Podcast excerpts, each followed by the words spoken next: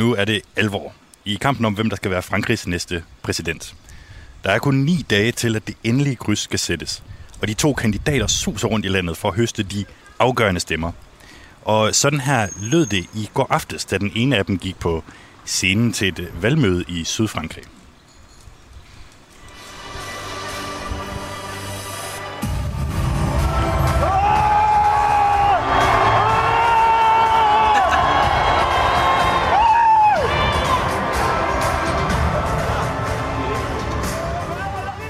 Det er selvfølgelig den øh, franske højrefløjsdronning Marine Le Pen og hendes begejstrede fans, vi hører her. Jeg var med og spurgte hendes trofaste vælgere, hvorfor de tror, at hun kan løse Frankrigs problemer. Det skal vi tale meget mere om i løbet af programmet her, hvor vi også får en analyse af, hvad det vil betyde for dig og mig, hvis Le Pen bliver præsident i Frankrig. Velkommen til den første af kontinentets to helt særlige valgspecials i dag, øh, direkte fra den solrige sydfranske by Avignon. Merci d'être venu des quatre coins du pays, de toutes les régions. Le peuple français s'est exprimé. Comment vous financez tout ça, Madame Le Pen? Ah, mais je vais vous trouver des économies, monsieur Alors, Macron, alors. tout de suite. Du lytter til Kontinentet på Radio 4 med mig, Mads Enneberg.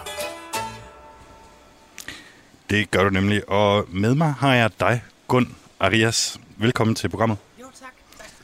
Jeg tænder lige for dig, Gun, så kan vi bedre høre dig. Jo, tak. Mange tak, Mads. Og- Og du er fysioterapeut af uddannelse, øh, dansker åbenlyst, men du er ligesom gået lidt væk fra både Danmark og fysioterapi, øh, og ejer i stedet for en restaurant her i Avignon sammen med din mand. Ja, Og her sidder vi faktisk på din restaurant Ja. i øh, skyggen af en øh, parasol på sådan et hyggeligt lille torv i byen. Det er nærmest svært at beskrive præcis, hvor hyggeligt det egentlig er. Det, det er meget, meget øh, fredeligt og dejligt. Jeg kan ikke rigtig komme i tanke om noget bedre sted at tilbringe min, øh, min langfredag. Og man kan godt sidde her nærmest og glemme lidt, at der overhovedet er problemer noget sted i, i Frankrig i det hele taget. Ja. Men det er der jo. Og øh, franskmændene går til valg øh, søndag den 24. april, skal vælge deres præsident. Og det er et valg, der er præget af øh, en stor grad af utilfredshed blandt øh, befolkningen. Du kan desværre ikke stemme øh, Gund, fordi du ikke er fransk statsborger, det skal man være. Øhm, men hvem tror du er bedst for, for Frankrig de næste fem år? Altså der er jeg ikke i tvivl. Havde jeg kunnet vælge, så ville jeg vælge Macron. Øh, og det ville jeg egentlig fra starten af, også øh, øh, øh, for fem år siden, og nu, øh, når vi er tilbage igen. Øh, helt sikkert, fordi jeg føler, at det er ham, hvor jeg har det mest danske. Jeg finder noget danskhed i ham. Han kigger mod Norden, han kigger mod øh, Skandinavien, han kigger Europa, og han prøver på at lave og trække i de stærke sider fra de lande, der står stærkere, og prøver på at få, øh, få det ind, øh, ind i, i hans øh, land, i Frankrig. Det er bare svært, for det er et meget, meget, meget stort land, og mange forskellige vælgere, og mange forskellige, forskellige livsstile. Og det vi kan høre, det er en øh, mand, der prøver at parallelparkere ved siden af sig. øhm, jeg skal bare lige høre dig, altså i forhold til Emmanuel Macron, Ja. der er jo mange, som øh, sagtens kan tolerere ham, Ja. øh, men, men måske ikke decideret kan lide ham. Øh, Kan, Ja. kan du lide ham? Ja, det kan jeg faktisk godt. Altså, og jeg, øh, jeg er nok en af de eneste i min familie hernede, der synes rigtig godt om ham. Øh, det gør min mand ikke, og det gør mine øh, svigerforældre heller ikke. Det gjorde de i starten, men de kan ikke rigtig... Der, de er ikke øh, Macron-fan længere, og det er der jo mange, der desværre ikke er. Jeg synes ikke, at altså, han øh, generer ikke mig personligt. Øh, han har ikke den samme som øh, de andre pr- præsidenter, Sarkozy eller øh, Mélenchon, som har er desværre faldet ud nu. Øh, de har jo virkelig nogle personligheder, hvor man får lyst til at stoppe op og lytte, hvad det er, de siger, fordi de har hele deres krop og hele deres hjerte med. Hvor ham her, han er måske mere en ma- altså mappe. Nej, Men på en god måde, sige, på, men på en god måde, ja. Okay. Undskyld. Nå, det, der, det tror jeg, at øh, der er mange, der synes. Øhm, nu nævner du selv din, øh, din mand. Han er fransk statsborger, og han øh, stemmer. Hvad stemte han på i første runde? Jamen, det ved jeg ikke, fordi at øhm, han skulle øh, på ski, og, og det valgte han så at tage. Det var meget vigtigt for ham at tage op en weekend her, inden sæsonen starter for alvor. Så han tog afsted, men til, til gengæld så gav han sin stemmeret til sin mor, min, min svigermor. og, og hun har så været afsted og sat et kryds for ham. Så svigermor har sat to ja, krydser. ja, Ja. Okay. og, og det, altså jeg har, jeg vil gerne sige, jeg vil gerne påvirke ham, men det kan jeg jo ikke, altså han har jo sin fri ret, og, og jeg, jeg elsker ham stadigvæk for, for det. Øh, men øh, vi kan godt have nogle samtaler omkring øh, vigtigheden, fordi at måske også, at det gør noget at være vokset op i Danmark, og have lyst til at være medspiller i staten. Og tænk på, at det vi vælger, det kan være um, det bedste for os, og hvad vi kan samarbejde. Er det noget, du oplever hos flere hernede, det her med, at man ikke synes, det er så vigtigt at komme ud og stemme?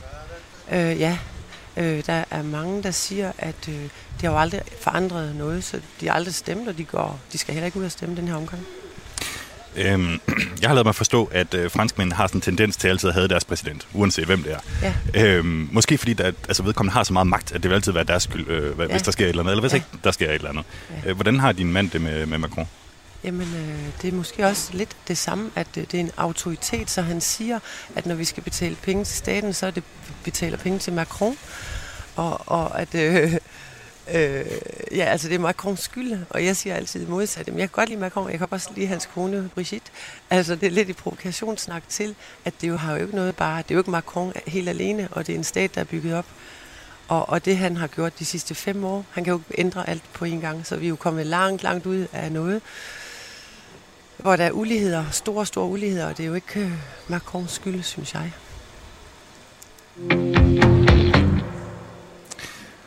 Og nu er det med alvor i den franske valgkamp, vil jeg bare have lov at sige. I søndags, der stemte franskmændene i første runde af præsidentvalget her. Og øh, de bruger jo i Frankrig øh, det, man kunne kalde øh, X-faktor-metoden, hvor man har en masse kandidater, som så bliver til to kandidater, og som så søndag den 24. skal blive til én næste præsident. Og øh, de to kandidater lige nu hedder altså den siddende præsident Emmanuel Macron og den efterhånden rimelig velkendte udfordrer Marine Le Pen. De to var jo også op imod hinanden ved sidste valg i 2017, men der blev Le Pen rent udsagt øh, jordet øh, i anden runde af Macron, som fik to tredjedel af stemmerne. Den her gang, der er der langt mere spænding om resultatet. Ifølge meningsmålingerne, så er det så tæt mellem de to lige nu, at alt i princippet kan ske, når valget skal afgøres om bare ni dage. Og derfor så er der måske heller ikke rigtig råd til øh, sådan at tage på påske, påskeferie for de to øh, kandidater, som i stedet for ender med at fare rundt i Frankrig for at støvsuge så mange stemmer, som de overhovedet kan. Og i går, der havde Marine Le Pen sat kursen mod den sydfranske by Avignon, hvor vi altså sidder nu. Og jeg tror måske godt lige, vi kan tåle at høre det her klip en gang til.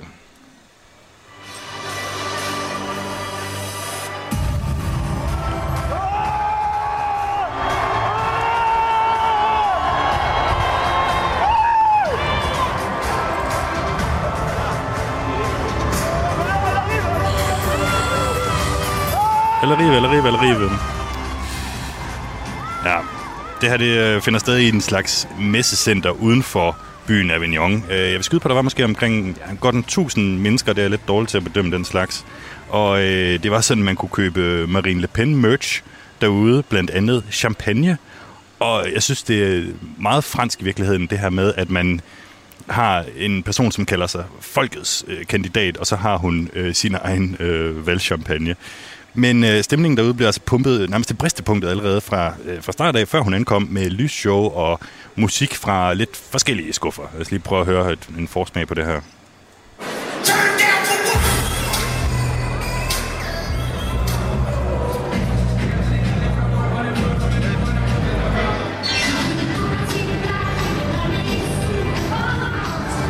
I like my, I love Marine. Why? Marine for France because uh, she's the best. She's the best. Now for the moment. She's the best. Det er nogle trofaste fans, øh, der var mødt op i går, og Le Pen kommer så ind på scenen og bruger sådan i hvert fald de første 15 minutter i de sådan lidt mere abstrakte luftlag. Øhm, hun taler om frihed, lighed og broderskab, øh, tre stolte franske traditioner. Hun taler om fransk storhed. Hun siger, øh, vi skal ikke skamme os over fortiden, vi skal ikke være bange for nutiden, og vi skal ikke vente på fremtiden. Vi kan ikke vente på fremtiden. Ja, men så kom de så øh, de mere konkrete punkter øh, på banen, og det, som jeg synes er interessant, det er, at Marine Le Pen i år, i princippet, altså hun er jo fra den yderste højrefløj, men hun lyder nærmest som en socialist. Øhm, det er socialpolitik, der, der, der fylder, og det her med at holde hånden under de franskmænd, der har det svært, hvilket er, hvad skal man sige, noget hun virkelig har dyrket i forhold til for, øh, for, for fem år siden, hvor hun også øh, var med i præsidentvalget.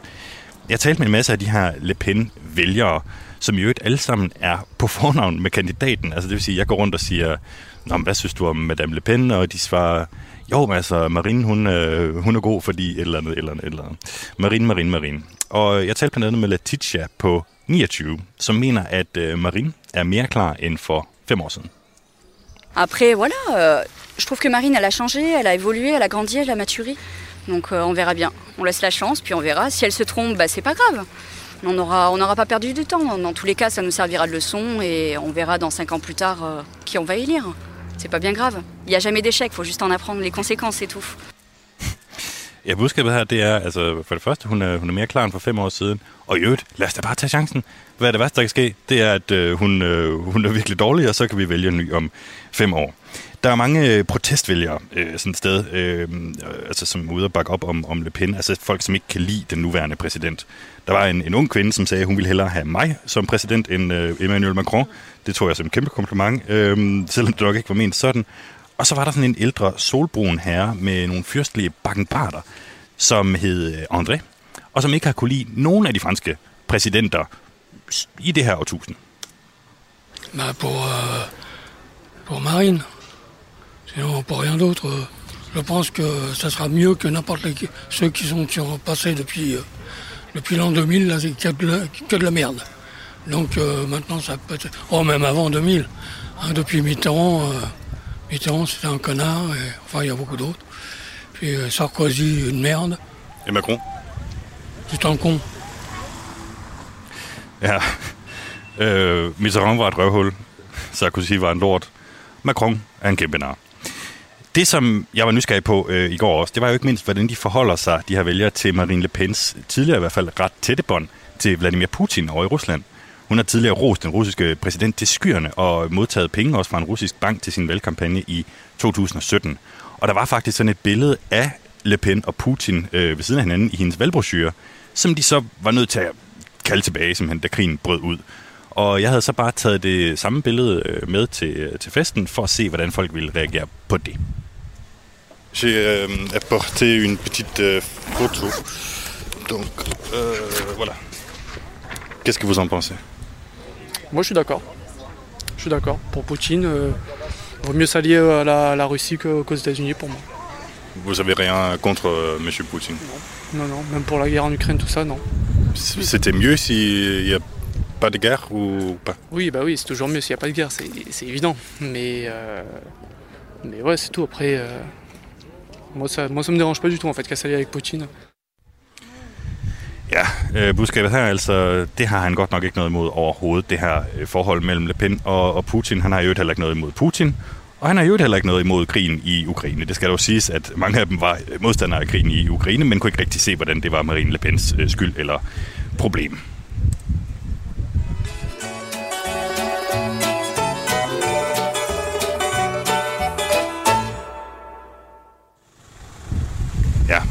Som man kan høre, så er der øh, det- ankommet et lille bitte blæsevejr her til Villeneuve i udkanten af Avignon, hvor vi sidder, du og jeg, Gunnar Rias. Mistral.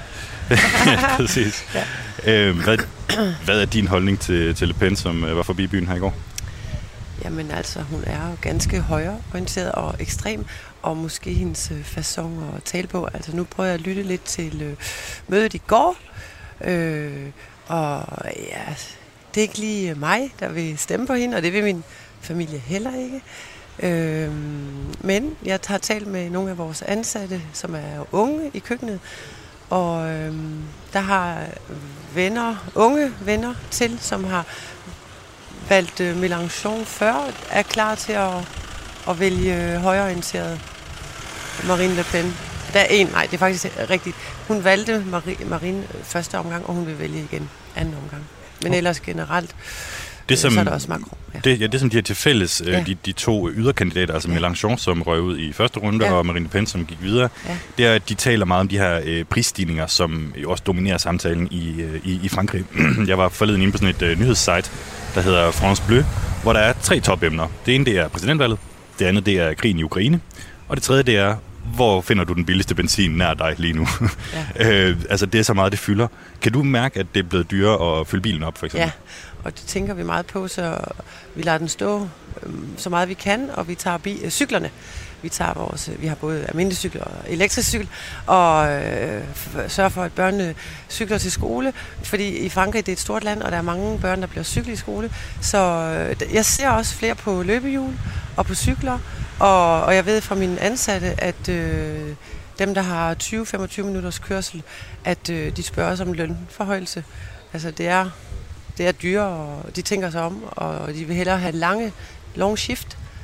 De vil hellere komme og så arbejde en dag igennem, end at have, fordi i restaurantbranchen, som jeg er i, der arbejder vi meget med breaks haft pause øh, midt på dagen og kommer tilbage igen. Så for at undgå øh, prisen for at køre øh, frem og tilbage, ja. så vil de hellere have lange ja. øh, vagter? Ja, vil de meget gerne møde kl. 12 og gå hjem til midnat.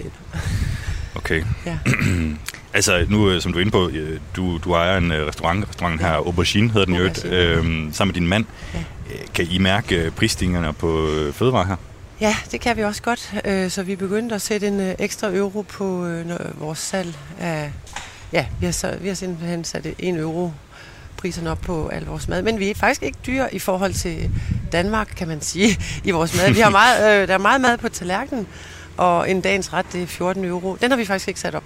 Men ellers øh, mange af de andre retter, øh, vi har for eksempel en entrecôte, den lå på 21 euro før, nu er den på 22 og fisk 23 euro, hvor den var på en 21 også før. Ja. Er der nogen, der har brokket sig? Det har de faktisk ikke, for de er utrolig glade mennesker for at komme ud og få lov til at spise igen på en restaurant uden øh, maske, altså uden øh, mundbind, og at vi har lov til at være sammen. Så det kommer jo bræt efter coronaen, den her bølge af prisstigninger. Så jeg heldigvis, altså jeg bor også i et, øh, en side af Avignon, hvor, hvor folk har, mange har rimelig gode jobs, og vi har mange turister fra Belgien og fra USA, som kommer tilbage stille og roligt. Og, og de, de brokker sig ikke. Det gør de ikke. Jeg skulle lige at sige det. Nogle steder i Frankrig øh, har man måske råd til, at tingene bliver lidt dyrere. Ja. Og så er der nogle steder, hvor det kniber lidt mere. Ja.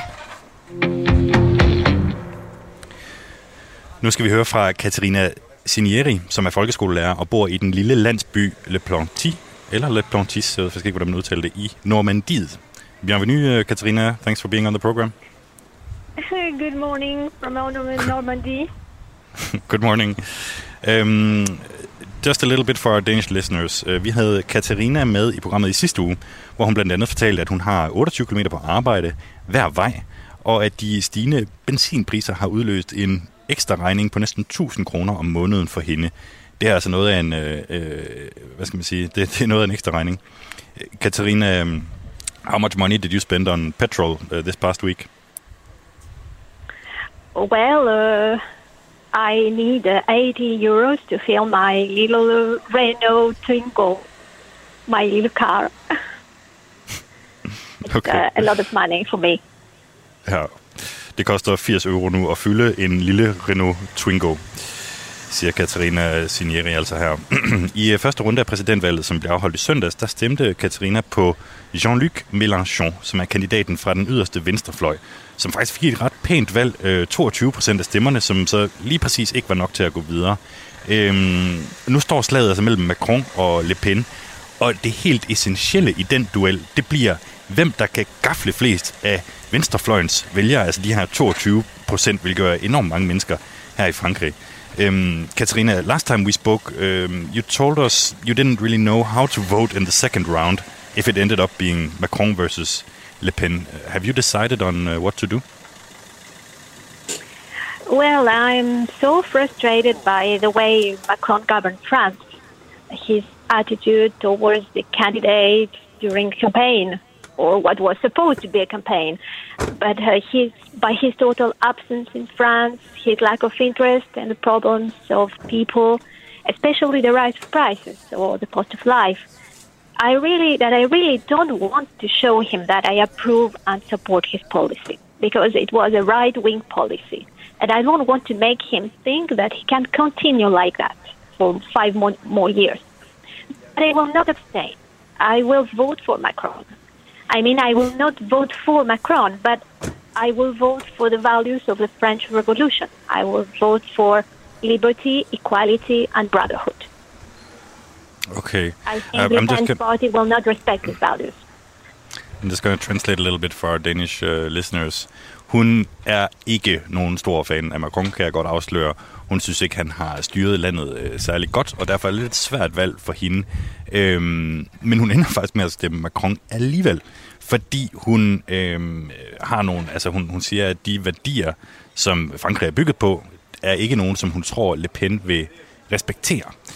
Øhm, Katarina, what do you mean by uh, saying that Le Pen won't respect uh, these values? Um, I mean that in in her program we can see uh, that she is not for uh, respecting the women's rights, immigrant rights, homosexual rights, and uh, yes, I think she will not respect liberty, equality, or brotherhood. I um, I was telling uh, before about how you, you live in the countryside. Uh, you need a car, obviously, to get uh, around and to work.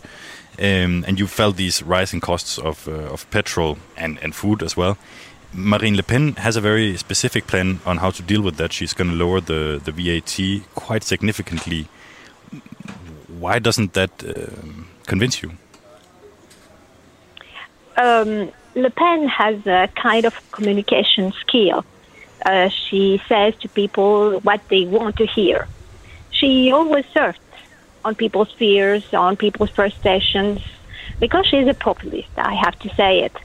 Uh, I I know she will do nothing to lower the the price of petrol, food, or or things like that. Uh, this is not this is not France's problem. It's only for it's not only for France. It's a global European or even world problem, and France is not alone to take decisions. Det, som Katarina siger her, det er altså, at hun tror simpelthen ikke på Le Pen, når hun siger, at hun vil prøve at, at få de her priser ned på et niveau, hvor, hvor franskmændene kan være med igen. Øhm, hun tror, det er et europæisk problem, et globalt problem, og simpelthen ligger uden for den øh, hvad skal man sige, måde at tænke på, som øh, Marine Le Pen har tænkt sig at anlægge, når hun, hvis hun øh, bliver præsident. I øvrigt så kan jeg sige, nu øh, talte jeg meget om de her øh, famøse 22 procent af Mélenchon-vælgere, som nu ligesom skal fordeles. Og øh, den seneste meningsmåling viser, at 37 procent har tænkt sig at stemme Macron, 22 procent Le Pen, og 41 som han har tænkt sig at ikke stemme overhovedet. Øhm, Katarina, have, did you consider also just uh, casting a blank vote or not voting at all? Well, I will. I will vote on Sunday. On Sunday, the twenty fourth, I will vote. I mean, if uh, I had two normal parties applying a right wing policy, they were present in the second round, I think I would abstain from voting. But now we are not talking about the normal party. We are talking about a far right party. And we don't but you have also, to. Sorry, you also want to, to send a signal that you're not happy with Macron. So isn't the best way to do that uh, abstaining instead of just voting for him? No, no, it would be too dangerous. I don't want to see uh, Le Pen uh, in a score uh, 20, no, uh, 40, 49%. No, I don't want to see her like that. And if uh, if any anyone thinks like that, anyone who votes for Mélenchon on first tour, uh, on the first round, things like that, I think Le Pen will pass. I think she will win. So I will not do like that. I will not abstain. I will vote for the democracy. I will vote for the French, for French Republic. I will not vote, vote for Macron, and I will still fight. I will still, uh, I will still uh, um, go on strike and protest in the street against him and his policy. But it will not be the same as if I had Le Pen uh, as president. Katarina, thank you so much for, uh, for being on the program. You're welcome. Altså, Katarina Sinieri, Goodbye, Katarina, som er folkeskolelærer og bor i den lille landsby Le Planty i øh, Normandiet. Et godt stykke herfra, hvor jeg sidder, både øh, samfundsmæssigt, men også selvfølgelig geografisk øh, i den anden ende af Frankrig simpelthen. Øhm, vi nærmer os et nyhedsoverblik her klokken, øh, klokken halv. På den anden side, der skal vi øh, høre meget mere fra det her øh, Le Pen-møde, som jeg var til. Vi skal tale med en, en ekspert, som kan fortælle os lidt om, hvad det egentlig er, som, øh, som Le Pen gerne vil, vil opnå. og også hvad det kommer til at betyde for øh, altså, ja, Danmark simpelthen, fordi hun jo har en fundamentalt anderledes måde at gribe øh, Europa an på, øh, NATO an på og, øh, og så videre. Men først altså fire minutters nyheder. Merci d'être venu des quatre coins du pays, de toutes les régions. Le peuple français s'est exprimé. Comment vous financez tout ça, Madame Le Pen? Ah, mais je vais vous trouver des économies, monsieur Alors, Macron, alors. tout de suite. Du lytter til Kontinentet på Radio 4 med mig, Mads Anneberg. Ja, velkommen tilbage til programmet, som vi i dag sender direkte fra byen Avignon i Sydfrankrig. En by, som blandt andet er kendt for at have huset nogle paver tilbage i 1300-tallet, som er kendt måske også for den franske børnesang Sur le pont d'Avignon, og ikke mindst er kendt for at være en kæmpe vinby, simpelthen, som ligger her i distriktet øh, Côte d'Iron. Men i går, der handlede det om noget helt andet her i byen, nemlig et vælgermøde med præsidentkandidaten Marine Le Pen. Jeg sidder her sammen med dig, Gun Arias, som du har boet i Frankrig siden 2004. Ja. Det er jo væk også noget tid. Ja. Øhm, og du ejer restauranten Aubergine øh, her i byen, hvor vi, hvor vi sidder sammen med din mand. Vil din hverdag blive anderledes, hvis du får Marine som la présidente? Ja, det er da helt klart. Øh, For det første så er vi, øh, altså i forhold til udlændingepolitik, så hos mig er vi en stor flok udlændinge. Der er mig fra Danmark, og jeg har mange fra, jeg har to ansat fra Bangladesh, og to fra, tre fra Marokko. Og, og jeg ved, at, øh, at de har det da ikke nemt, hvis... Øh, eller jeg har det ikke nemt. Altså, vi har en anden øh, holdning til udlændingepolitik, så øh, på det plan, der, øh, ja, der, der vil det nok forandre sig. Men der er vel ikke nogen, der siger, at øh, Marine Le Pen vil smide din øh, kok for Ansat Bangladesh ud? Nej, det har du ret i. Men øh, det er bare øh, hele hendes øh, stemning og hendes måde at, at tænke på, øh, som ikke øh, harmonerer. Så jeg er sikker på, at så måske der vil også komme... Øh, ja, der vil, der vil være nogle uligheder som, øh, og nogle forventninger, som ikke stemmer overens med øh, liberté dans notre pays. Øhm, Gun, jeg tænkte på, gider du ikke øh, prøve at se, om du kan finde en øh, fransk vælger til os? Jo, altså jeg har en ansat, en pige, som øh, hun er 18-19 år, hun hedder Farah, og jeg har lige snakket med hende. Nu er hun lige ved at servere to øh, mennesker, det er der så skal godt. til at have noget kaffe. Jeg tænker, kan vi skal være, bruge hende om sådan en øh, 5-10 minutter eller sådan noget, den dur. Jo. Perfekt. Ja. Så vil jeg nemlig i mellemtiden byde velkommen til dig, Jørgen Bøjsen. Velkommen. Tak for det. Du er lektor på Københavns Universitet og ekspert i fransk politik, og øh, som du ved, så er der jo øh, nogle gange lidt motorstøj, når man sender hernede fra, øh, fra Frankrig. øhm, Jørgen Bøjsen, jeg er glad for, at du er med i programmet. Jeg vil simpelthen bare gå lige på hårdt og spørge dig, har du i grunden nogen præference i forhold til, hvem der bliver Frankrigs næste præsident? Øh, Jeg vil, jeg vil sige, at nogle gange, Undskyld. så, nogle gange så kunne man godt have lyst til, at franskmænd, øh, altså alle de utilfredse franskmænd, de fik deres ønsker opfyldt, og så bare i et stykke tid fik en af de der kandidater, som, øh, altså, som står derude på fløjen og råber enten Mélenchon eller Seymour eller Marine Le Pen, for at se, hvordan det, det virkelig ville være, hvis de fik sådan en. Øh, sådan en, en protestkandidat. Om det så var, om det var noget, et land, de kunne tænke sig at leve i.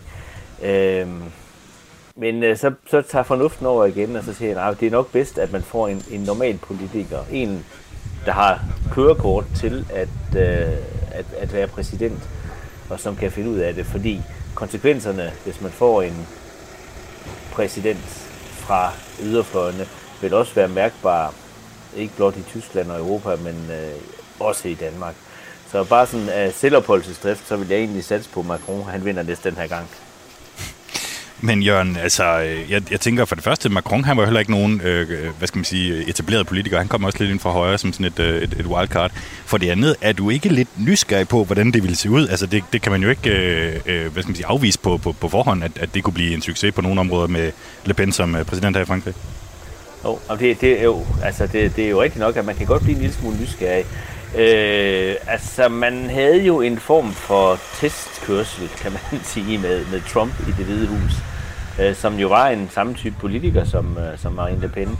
Øh, og altså, USA står jo stadigvæk, øh, og institutionerne i USA står stadigvæk, også, også efter Trump, så, så at sige, altså, demokratiet der åbenbart øh, har et, et, et, stærkt armatur.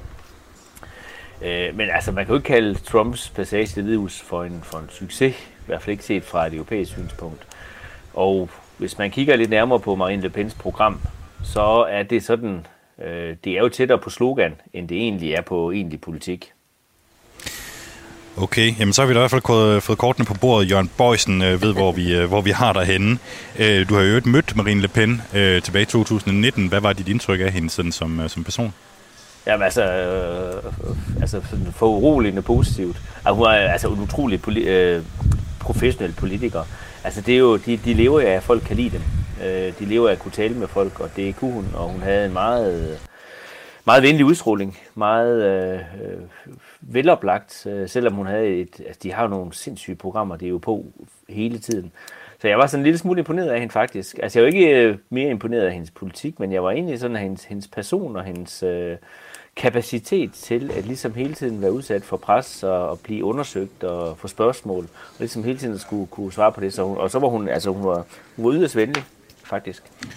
Jeg vil også sige, i går øh, jeg var til vælgemøde, hende, vælgemøde med hende, øh, og der var hun virkelig i, i hopla. Altså hun var, øh, hun var strålende øh, som, som, som, som taler og var god til at få, få folk med på, på, på de ting, hun sagde. Øh, ja.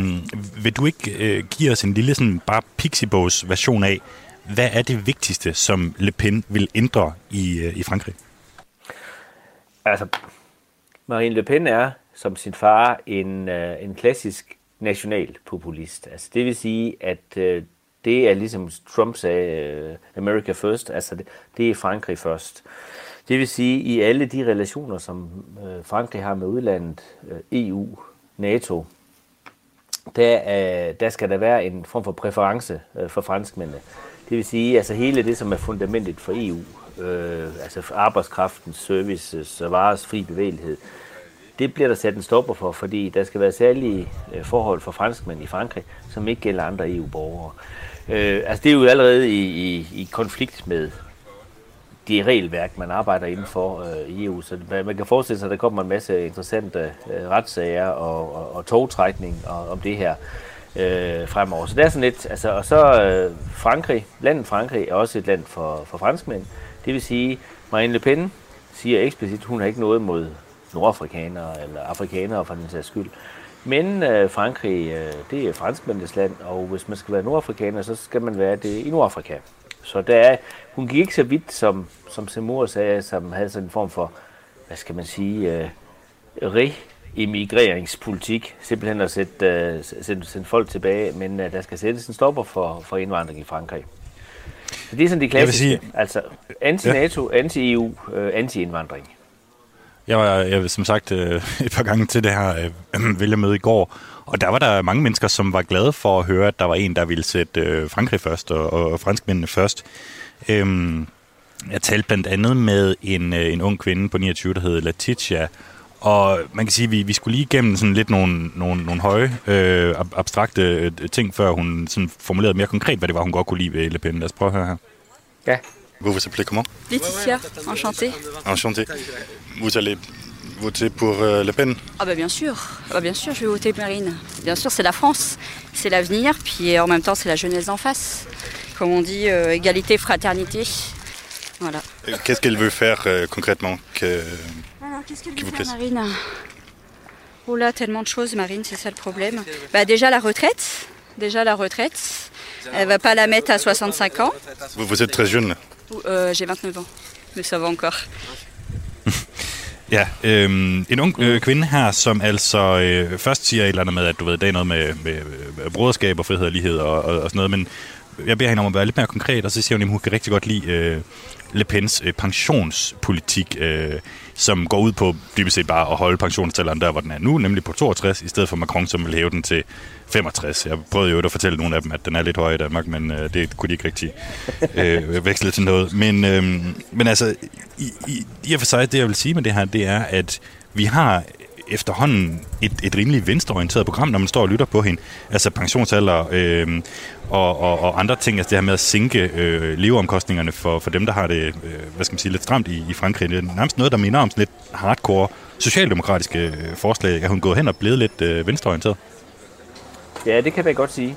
Øh, hun har jo, hun kommer fra et parti, som, som udelukkende havde det der, hvad skal man sige, anti antigen, ikke? Øh, altså NATO, EU og så videre. Øh, og så har hun altså med sådan en, en højrefløjs, ren højrefløjsprofil. Og så har hun sådan overtaget en, øh, en venstrefløjsprofil samtidig, som er øh, altså forsvaret for folk, som øh, har det hårdt.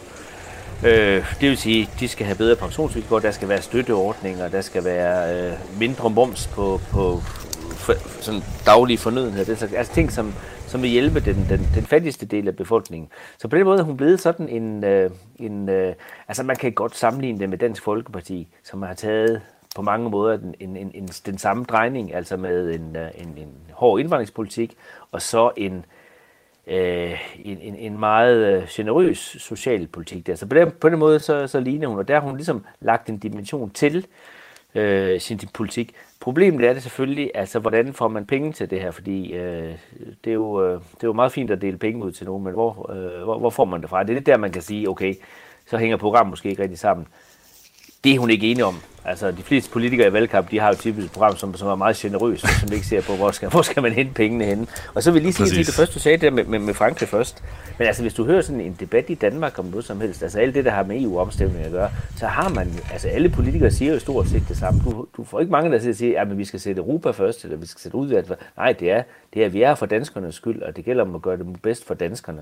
Så på den måde er hun jo, altså, hun ligger jo tæt på noget, der ligner almindelig politik samtidig med, at hun også hvad skal man sige, lige, er, lige er på den side af kanten. Og øhm, noget, som jeg også øh, kunne tænke mig at bemærke, det var, at der var rimelig mange unge mennesker øh, til stede i går. Altså, det er ikke bare sådan gamle øh, støvede øh, mennesker, som, som stemmer Nej. på det pinde. Der var rigtig mange unge. Øh, og så bemærkede jeg på et tidspunkt, øh, hun har jo faktisk også et forslag om, at øh, man skal ikke betale skat, hvis man er under 30 år. Øh, altså indkomstskat. Det tror jeg også, der er måske tiltaget lidt øh, nogle af dem, men der, der kan jo være alle mulige årsager til det. Ja. Øhm, I øvrigt, må jeg bare lige have lov at sige, så har jeg faktisk øh, det lykkedes Gun at finde en vaskeægte ung vælger, som sidder ved siden af mig nu her. Jeg tænker lige, vi tuner ind på hende og hører, hvad hun har at sige. Spændende. Bienvenue. Bonjour. euh, vous vous appelez comment Bouchera. Bouchera.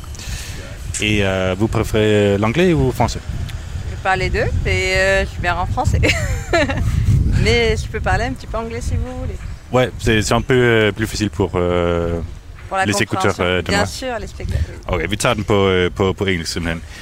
Um, how old are you? I have 32 years old. 32 years old. Me too, actually. Um, who are you going to vote for uh, next Sunday? We don't have a, ch- a choice. I vote for Macron because I don't vote for Le Pen. Because the idea of Le Pen is for me not possible and it's not the French. Why not? Because, I mean, she has... Because in France we have black people.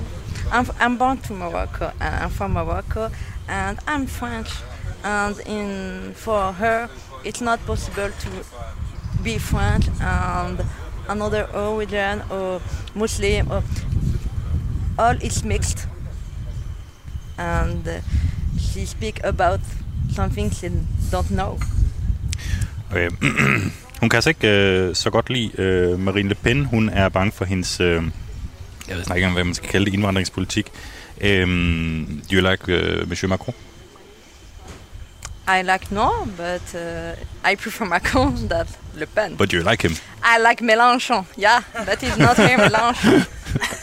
Okay. Because for me, the France is beautiful because we have in France a lot of people, the all of countries, and it's the the the power of the France. Ja, okay. Different culture. Uh, Mélenchon, he's, uh, det er altså ham her venstrefløjskandidat, som vi har talt om tidligere. He's quite an extreme guy. He wants to do some quite extreme things. Mélenchon is for the people live together, and he have he has a good man, I think. Thank you. Um, uh, stay seated, please, and uh, maybe I'll, I'll get back to you. Uh, Jørgen, jeg skal simpelthen bare lige uh, vende mig mod dig ja. igen nu her. Øhm, hun er altså, hvad kan man sige, en, der har stemt øh, Mélenchon også i, øh, i første omgang, faktisk præcis ligesom hende vi hørte øh, i, i første halvdel af programmet her, og som nu kommer til at stemme på Macron, øh, hvad meningsmålingerne ligesom også viser, at en del af de her Mélenchon-vælgere øh, kommer til. Jeg vil gerne hæfte mig ved noget, som, som hun sagde. Det her med, at hun stemmer Macron. Ikke fordi hun kan lide Macron, men fordi hun ikke kan lide Le Pen. Og øh, hvis ikke jeg tager meget fejl, så sidder jeg med sådan en form for øh, statistik her, et meget øh, sådan en lille diagram, hvor det fremgår af en meningsmåling, som øh, blev lavet her i starten af øh, måneden, at cirka halvdelen af dem, der stemmer på Macron, de øh, stemmer for at, hvad skal man sige, ikke at få Le Pen. Og cirka halvdelen af dem, der stemmer på Le Pen, de stemmer på hende for ikke at få Macron. Altså, det, det kan da umuligt være særlig sundt for, for demokratiet, at man stemmer på en kandidat for ikke at få den anden kandidat.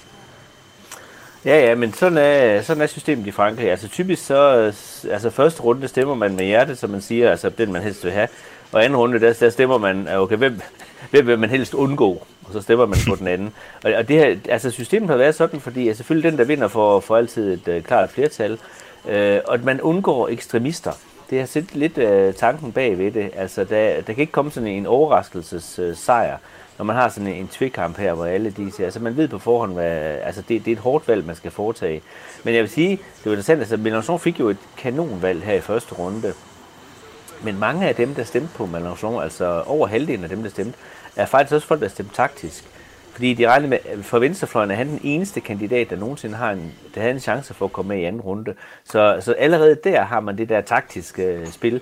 Så de, de vil egentlig hellere have stemt på Hidalgo, eller, eller De Grønne, eller, eller en anden. Men siger, okay, Mélenchon, han er ham, der fører, han får vores stemmer. Så det er sådan et, altså, det er virkelig, hvor kan min stemme gøre mest nytte? Det er der, at øh, øh, øh det, det, det, det, der kendetegner det, det, det franske valgsystem.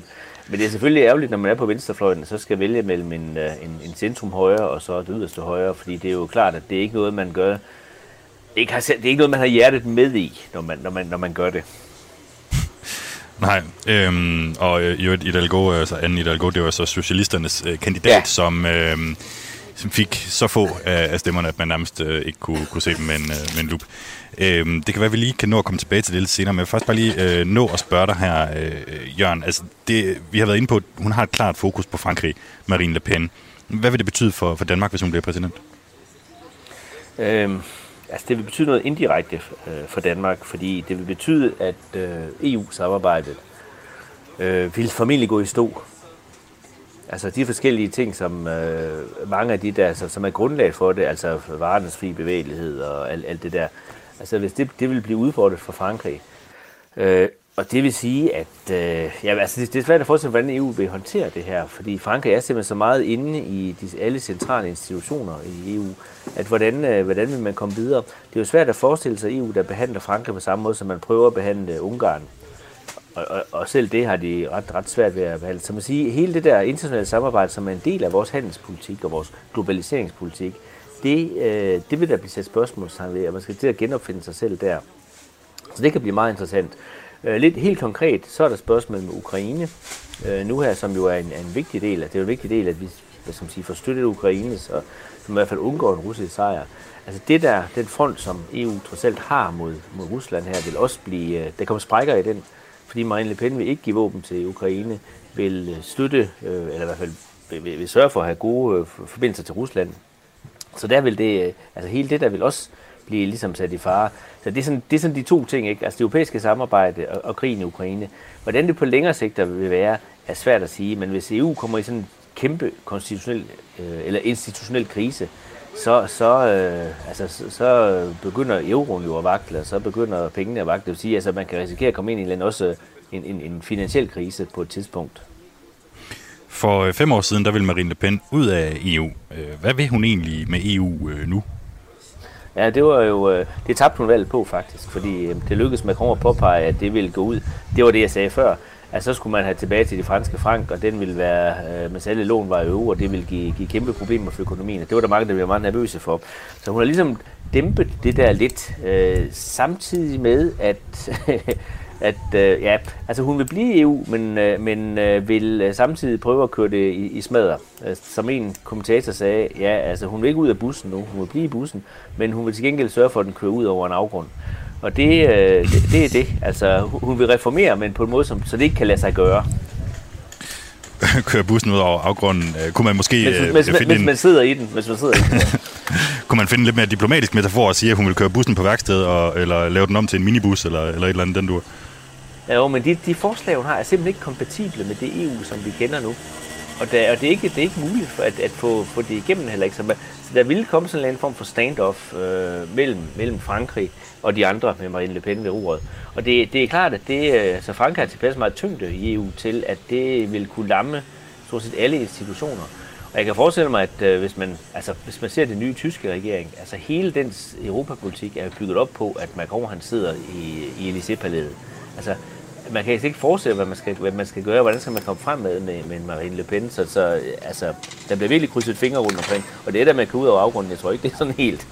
Det er altså ikke helt skævt, for EU vil ikke blive det samme igen. Vi skal lige høre en, øh, en lille bid fra, øh, fra i går.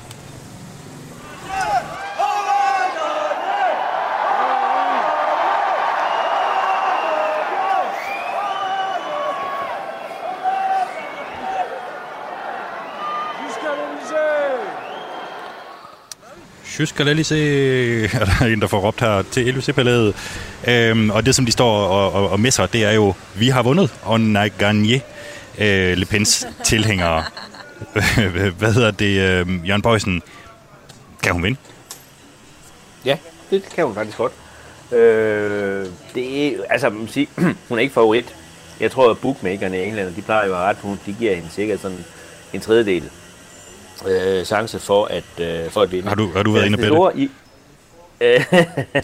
jeg burde næsten gøre det, måske. Jeg taber altid, så det ville jo være godt. Nej, øh, altså det, det store, det var også øh, en, et par af de tidligere, der har nævnt det her. Det er lidt Mélenchons vælgere, der, der sjovt nok kommer til at afgøre det her.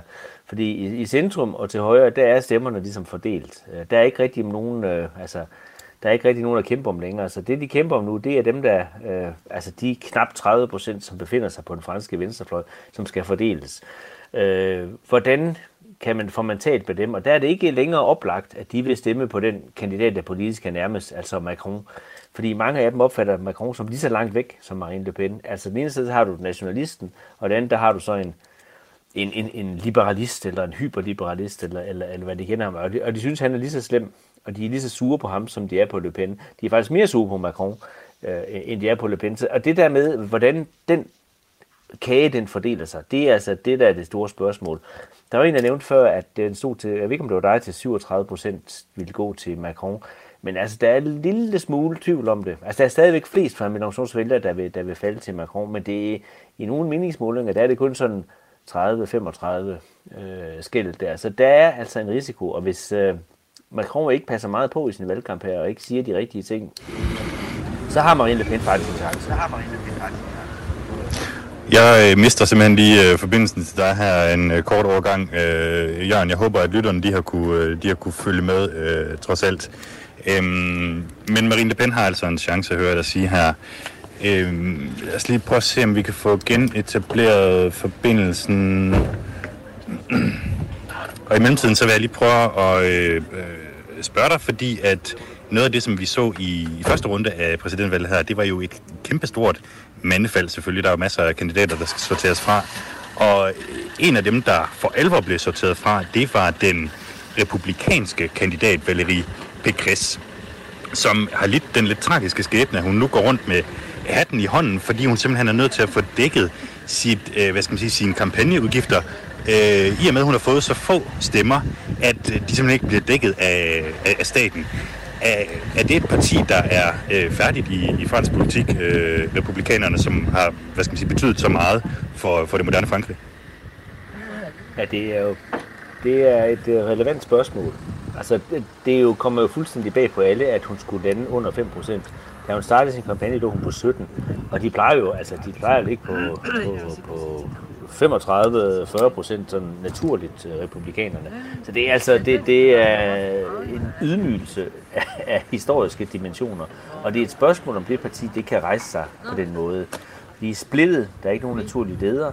Øh, de øh, er splittet politisk, og det er også det, der gik ud over Pekres. Altså, hvem skal de vende sig mod? Skal de vende sig mod sådan en økonomisk liberalisme, liberalist som, som Macron, altså mod centrum? Eller skal de gå efter det lidt mere højnationale, øh, som er inkarneret af Le Pen og Seymour? Der er begge tendenser hos republikanerne. Og de er simpelthen lige flækket midt over her. Øh, og så står Pécresse Christa i midten, altså stod Pécresse Christa i midten og, øh, og blødte stemmer øh, til begge sider der. Så det er, øh, de skal på en eller anden måde øh, konstituere sig selv, øh, formentlig under et andet navn og med en anden ledelse. Øh, men de er, de, er tæt, de er tæt på afgrunden simpelthen. Og øhm, nu øh, kan jeg bare lige afsløre, at øh, vi- jeg har lidt tekniske problemer hernede i Sydfrankrig. Nu stiller jeg dig bare lige et spørgsmål, øh, Jørgen Bøjsen, og så øh, gider du så ikke bare lige runde øh, af, eller så for at øh, simpelthen øh, stoppe med at snakke, når klokken bliver helt, så vi kan få øh, nogle nyheder på banen. Øh, og så vil jeg bare lige på forhånd sige tusind tak, fordi du gad at være med i programmet. Øh, og det, som jeg ville høre dig til, det var, hvad betyder det for fransk politik, at både republikanerne og socialisterne er, øh, hvad skal man sige, så godt som irrelevante efter at have siddet ved magten i årtier. De er fattige som gårdsanger, ja. Jeg prøver at runde af, og, og tak fordi jeg måtte være med, Mads. Øh, det giver- gør det utrolig svært. Man har tre formationer, en i centrum, en på yderste højre og en til yderste venstre. Øh, og de har ikke ret meget at være enige om. De har ikke ret meget at sige hinanden. Det vil sige, man kan ikke lave øh, samlet politik, og man har bare øh, modstand øh, fra alle sider. Så man har sådan tre, tre poler, der ikke vil arbejde sammen. Ja, det vil sige, at den, der bliver præsident, kommer til at herske over sådan en, øde, en politisk ødemark. Så det, øh, det er sådan, det ser ud.